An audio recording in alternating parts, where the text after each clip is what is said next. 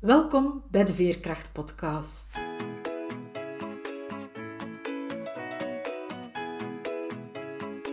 Ik ben Veerle Schaltien, levensverhalen en schrijfcoach. Met mijn bedrijf Wiebelwoorden trek ik voluit de kaart van veerkracht. Voor deze podcastreeks interview ik veerkrachtige vrouwen.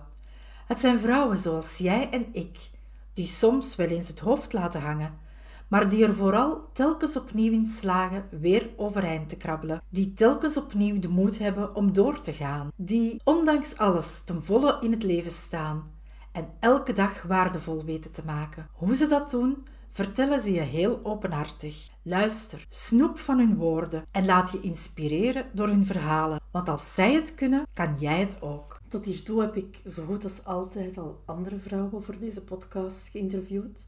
Dat ga ik zeker ook nog blijven doen. Maar ik wil tussendoor ook zelf wel het een en ander vertellen. Want ik heb toch ook wel iets te zeggen over veerkracht. En vandaag wil ik met jullie het verhaal van de oranje wolf delen. De oranje wolf is een klein wolfje en die is geboren in een roedel bruine wolven. Zijn vader is bruin, zijn moeder is bruin, zijn broers en zusjes zijn allemaal bruin. En hij is het enige oranje wolfje. En eerlijk gezegd vindt hij die oranje kleur en best wel goed staan. Maar hij voelt zich toch ook wel anders dan de anderen. En die anderen van zijn familie, die laten dat ook blijken dat hij anders is. Ze maken ruzie met hem of ze begrijpen hem niet. Hij heeft heel vaak het gevoel dat hij er niet bij hoort. Hij heeft ook het gevoel dat zijn moeder zijn broers en zusjes veel liever ziet dan hemzelf. En dat maakt dat hij zich wel eenzaam voelt. Hij voelt zich eenzaam, niet goed genoeg, en hij probeert heel, heel erg zoals zijn bruine broertjes en zusjes te zijn. Maar ja, zijn vacht is nu eenmaal oranje. Het lukt niet bruin te zijn. Het lukt helemaal niet om bruin te zijn. Wat hij ook doet. Tja, en dat vindt hij niet leuk. Hij voelt zich vaak ook tekort gedaan. En het lijkt alsof zijn moeder zijn broers en zusjes heel erg voortrekt. Hij voelt zich helemaal niet begrepen. Dat maakt die oranje wolf best wel tristig.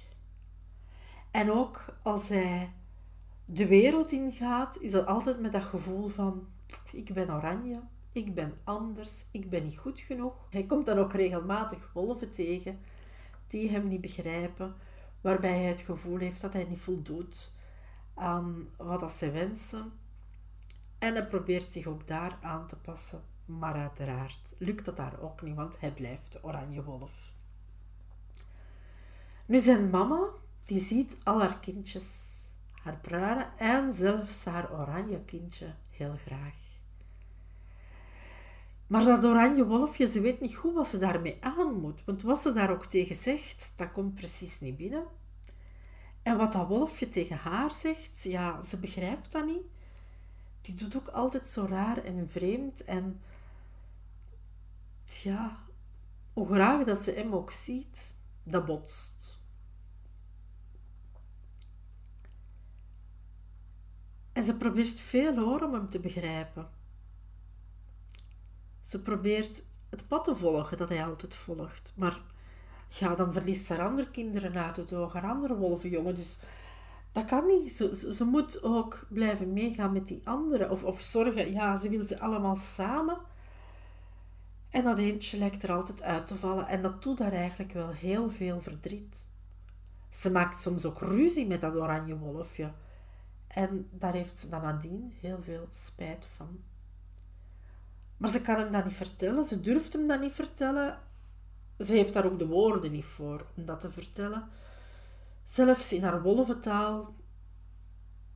Het lijkt alsof haar oranje wolfje een andere taal spreekt. Nu, dat oranje wolfje, als ik naar mijn leven kijk, ik herken me eigenlijk wel in dat oranje wolfje. Ik ben ook in een familie geboren waarin ik precies een andere kleur had. Ik droeg andere kleren, ik had andere interesses, ik vond andere dingen leuk. En ik liep ook een ander pad. Ik liep niet in het rijtje zoals mijn moeder en ook mijn vader eigenlijk wel graag zouden gewild hebben. Ik liep een andere kant op. En ik heb heel vaak het gevoel gehad dat ze mij maar lieten doen. Maar als ik daar nu achteraf op terugkijk, hebben ze mij misschien wel vaak teruggeroepen.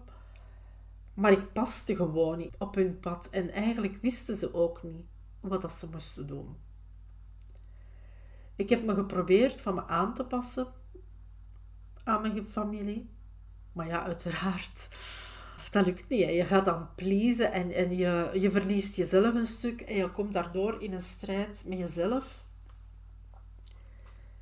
En ja, mijn bruine familie begreep mij nog altijd niet, want zij waren bruin en ik was oranje. Bij wijze van spreken dan toch. En ik vertel dit omdat ik eigenlijk weet dat verschillende luisteraars dat ook zullen herkennen. Dat ze zo precies als niet bij de familie horende toch in die familie geboren zijn. En vaak ga je dan dat op jezelf projecteren. Zo van, ze zien mij niet graag, ik ben niet goed genoeg, ze zien mij niet, ze horen mij niet. Wat kan ik toch maar doen om erbij te horen? En dan ga je van alles proberen om erbij te horen. Je gaat pleasen of je gaat net heel opstandig worden. omdat ze je toch maar goed zouden zien. Maar dat helpt allemaal niet. Want zij blijven bruin en jij blijft oranje. Maar dat neemt niet weg dat je wel liefde nodig hebt. En ja, die liefde van jouw bruine klan, ik zal het nu maar zo in die kleuren blijven noemen, die is er wel, maar dat is precies alsof die niet toekomt, omdat er ergens ja, een kink in de kabel zit en doordat jullie elkaar niet kunnen begrijpen. Maar natuurlijk, als oranje wolfje blijf je zelf wel naar die liefde van je familie en, en zeker van, van je moeder zoeken. En in het verhaal hoorden we van dat die moeder eigenlijk ook wel zoekt naar een manier om die liefde te kunnen geven, maar ze is bij onmacht om dat te doen. Ze kan dat oranje wolfje niet geven wat dat, dat oranje wolfje nodig heeft. En ik heb dat heel erg bij mijn moeder gemerkt. Ik heb haar liefde heel hard gemist en ik ben daar heel lang heel boos om geweest. Maar ik besef dat zij haar best gedaan heeft, dat zij niet anders kon dat zij mij niet begreep. En dat zij ook bepaalde eh, dingen zelf tekort gekomen was, waardoor ze ook die liefde niet kon geven. Want misschien was mijn moeder wel een bruine wolf in een groene klan. Of misschien was zij een bruine wolf in een bruine klan. Maar waren er dan weer andere hindernissen waardoor ook zij liefde tekort gekomen is. Nu, als ik naar mijn eigen moeder kijk, hoef ik niet ver te zien om te weten waar dat zij liefde tekort gekomen is. Haar vader is verongelukt toen zij slechts twee jaar was. En zij zegt altijd: ik heb, ik heb geen vader. Ik heb mijn vader niet gekend. Ik heb geen vader. Ik heb hem ook niet gemist. Want ik weet niet wat ik zou kunnen gemist hebben, omdat ik nooit het gevoel gehad heb van een vader te hebben. Natuurlijk heeft ze dat gevoel die eerste twee jaar van haar leven wel gehad, maar dat kan ze zich niet meer herinneren. Ons uh, herinneren begint pas vanaf twee, maar dat is dan zelfs heel vroeg, drie à vier jaar. Vanaf dan beginnen we ons dingen te herinneren en dat zijn dan vaak ook flitsen. Zij heeft, zegt ze, compleet geen herinnering aan haar vader meer. Zij heeft ook geen herinnering aan zijn liefde voor haar meer. Dus ze heeft die liefde heel haar leven gemist. En dan is zij zelf moeder geworden. Met dat gemis in haar, wat dat het voor haar allicht moeilijk maakte om dan zelf liefde door te geven. En daarboven was ik dan nog eens oranje, terwijl dat zij bruin was. Voor mij was dat niet moeilijk om, om te beseffen van waar mijn moeder liefde tekort gekomen is.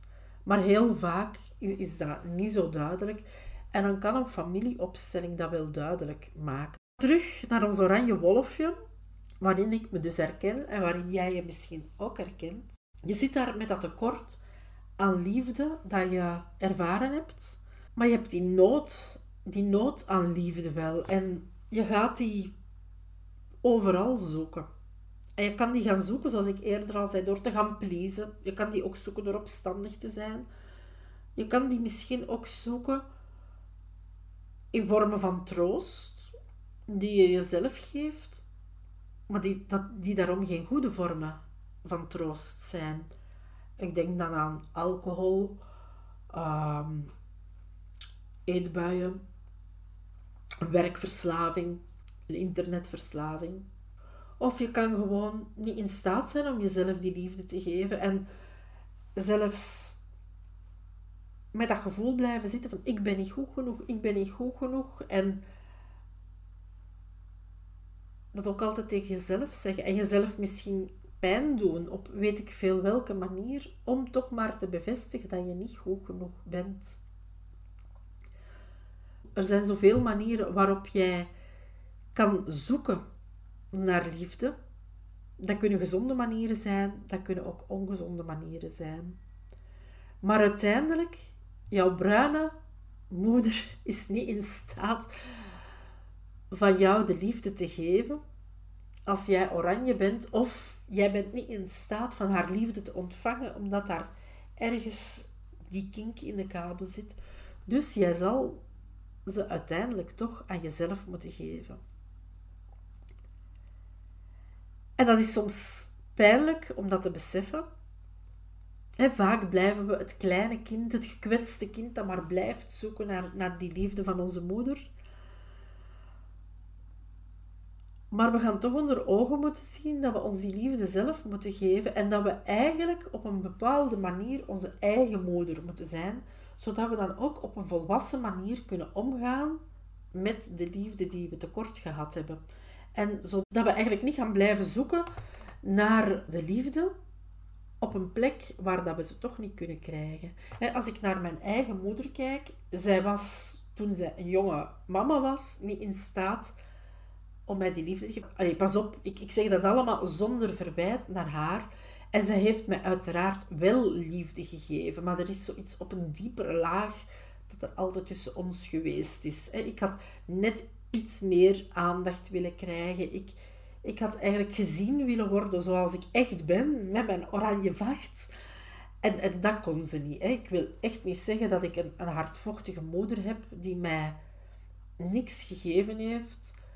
Integendeel, ik, ik besef heel erg dat zij haar best gedaan heeft, dat zij het goed gemeend heeft en dat zij gegeven heeft wat dat ze kon geven. En uiteindelijk doen alle moeders dat. Want onze eigen moeder is de best mogelijke moeder voor ons op deze wereld. Wij hebben ook als zieltje gekozen waar we geboren wilden worden. Gekozen bij welke mensen we geboren willen worden, omdat die mensen ons dat konden geven wat wij in dit leven op deze aarde te leren hebben. Dus dat wil ik wel eventjes benadrukken als ik dat hier allemaal vertel van ik heb liefde tekort gehad en waarschijnlijk ervaren jullie dat ook, dat jullie liefde tekort gehad hebben. Dat is helemaal zonder verwijt. Want in C is alles liefde. Maar het is wel een feit dat de liefde die ik nodig had, dat ze mij die niet kunnen geven heeft. En ik zal ook niet alle liefde die mijn zoon nodig heeft aan hem kunnen geven. En dat gaat, dat gaat altijd zo zijn. Dat gaat in ieders leven ook ook zo zijn. De ene mens gaat daar een groter probleem mee hebben dan de andere, omdat ook niet iedereen is een oranje wolf in een bruine roedel. En misschien zijn er zelfs moeders die, ook al hebben ze een oranje wolfje, die wel weten hoe ze daar kunnen mee omgaan en die die kink in de kabel die hè, tussen de beiden is, die die kunnen herstellen als ik dit vertel, dan is dat echt zonder verwijt naar mijn moeder toe. Want ik wil niet dat jullie gaan denken dat ik een hardvochtige moeder gehad heb die niet in staat was van liefde te geven. Zij heeft me zeker wel liefde gegeven, maar niet de hoeveelheid liefde die ik nodig had, of doordat er een kink in de kabel tussen ons was, is die niet helemaal kunnen doorstromen, die liefde. En hoe dat zij ook haar best gedaan heeft, blijft het een feit dat ik ervaren heb dat ik liefde tekort had. En nog heb. Want zij kon mij dat als kind niet geven. En toen zij zelf nog een jonge mama was, was zij niet in staat om mij die liefde te geven. Maar dat is nu als volwassene nog steeds zo.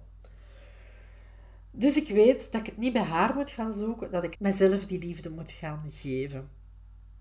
Moet gaan geven, kan geven en mag geven ook. Ik ben het waard om mezelf liefde te geven. En er zijn zoveel manieren waarop je jezelf liefde kan geven.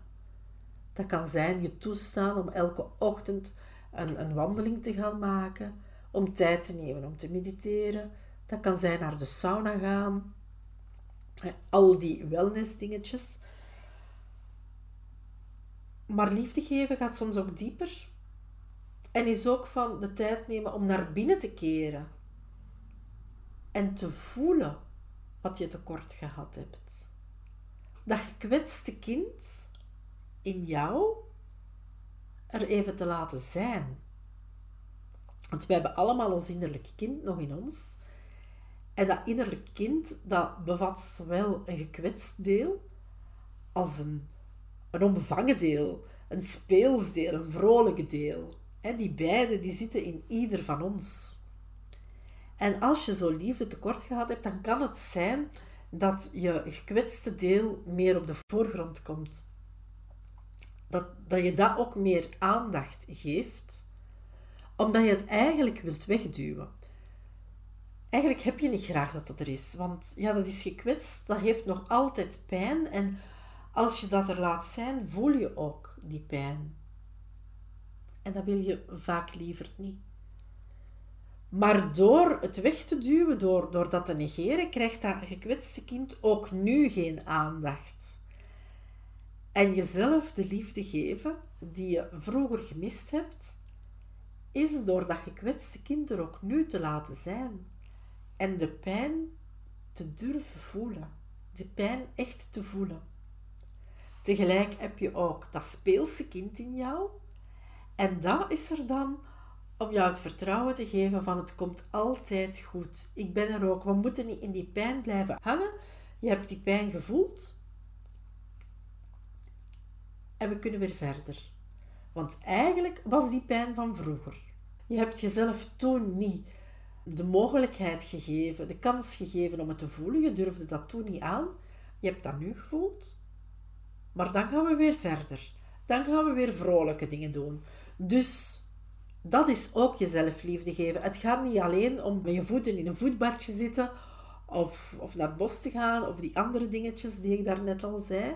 Het gaat ook om die beide aspecten van jouw innerlijke kind er te laten zijn, die allebei te omarmen. En door die er allebei te zijn, door die allebei te omarmen, ga je ook niet in je verdriet, in je pijn blijven hangen of in het verleden blijven hangen. Soms wil je begrijpen dan heb je zoiets van, ik heb die liefde tekort gehad, ik ben die, die oranje wolf, maar wat, wat moet ik daar nu mee? Ik had, ondanks dat ik anders ben, toch wel recht op liefde. En dan kan je eigenlijk een schrijfoefening doen.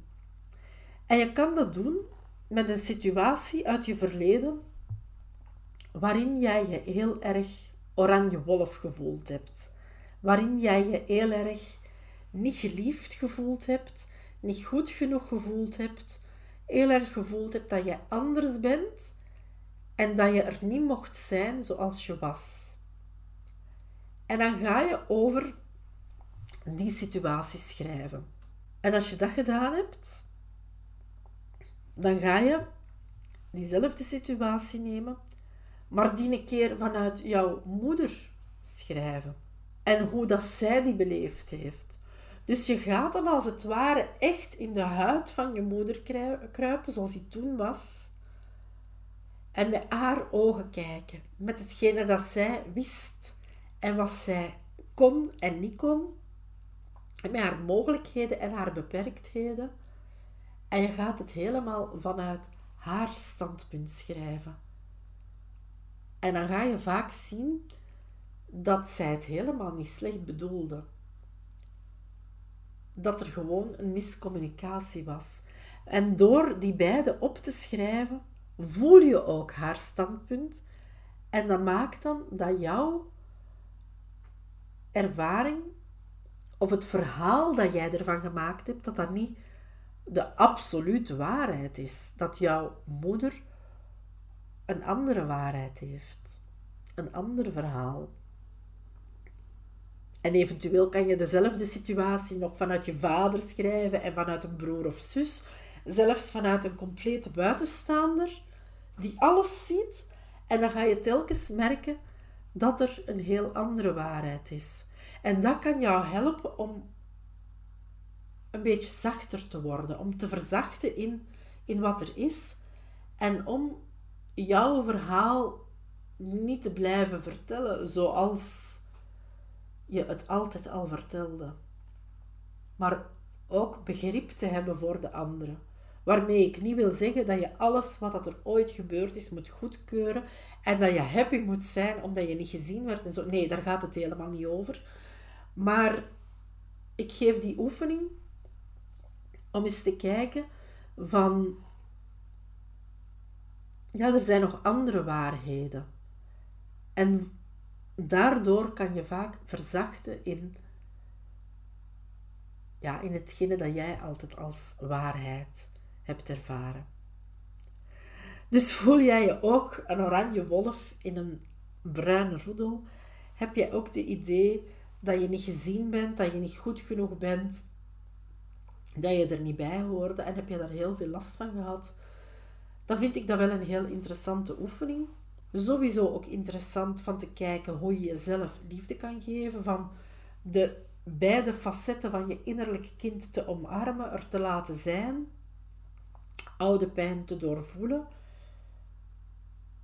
maar er niet blijven in te hangen, ook je speelse kant er te laten zijn. En je mag beseffen wie je ook bent, welke kleur je ook hebt, jij bent goed genoeg. Wat ik zelf ook doe, om mij die liefde te kunnen blijven geven en om ervan overtuigd te blijven dat ik goed genoeg ben, dat is mij ondersteunen met essentiële oliën. Essentiële oliën die werken zowel op het fysieke, het mentale, het emotionele als het spirituele niveau. En zeker waar het gaat over de liefde die ik tekort gekomen ben en mezelf liefde geven om dat te ondersteunen, gebruik ik heel vaak ilang ilang. Het is heel belangrijk als je essentiële olie gaat gebruiken, dat je olie van een heel goede kwaliteit gebruikt, dat je zuivere olie gebruikt.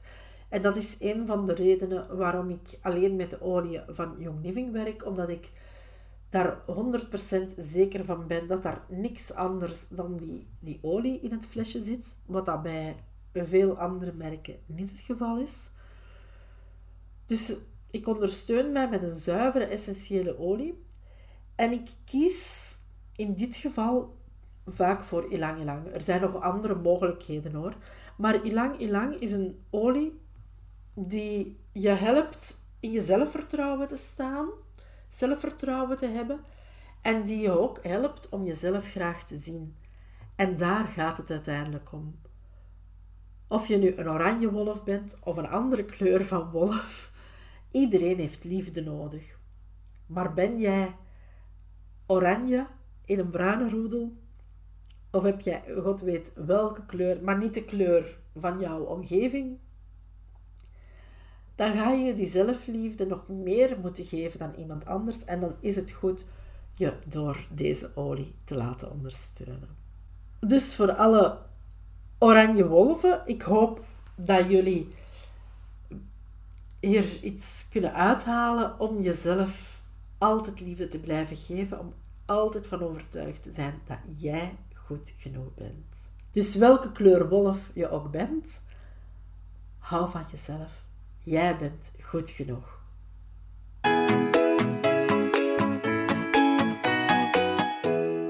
Droom jij van een leven met meer flow en veerkracht? Maar zit je vaak nog vast in het verleden. Dan is het goed je verleden een plaats te geven en er op een andere manier naar te leren kijken. Zo voel je je niet langer slachtoffer van wat je is overkomen, Maar kan je weer verder met je leven zonder dat het verleden het voortdurend bepaalt? Tijdens het jaartraject, je verhaal als bron van veerkracht, begeleid ik je hierbij. In een kleine groep schrijf je je levensverhaal. Met systemisch werk ga je de diepte in en je krijgt nog extra ondersteuning met essentiële oliën. Ik begeleid zowel het creatieve en schrijftechnische als het persoonlijke groeiproces dat je ondertussen doormaakt. Bij het eind van het traject heb je jouw verhaal op papier en ben je een ander mens geworden. Je ervaart weer meer plezier in het leven. Is dat wat je graag wil? Kijk dan zeker op onze website www.wiebelwoorden.be bij je verhaal als bron van veerkracht. Daar kan je een afstemgesprek inboeken.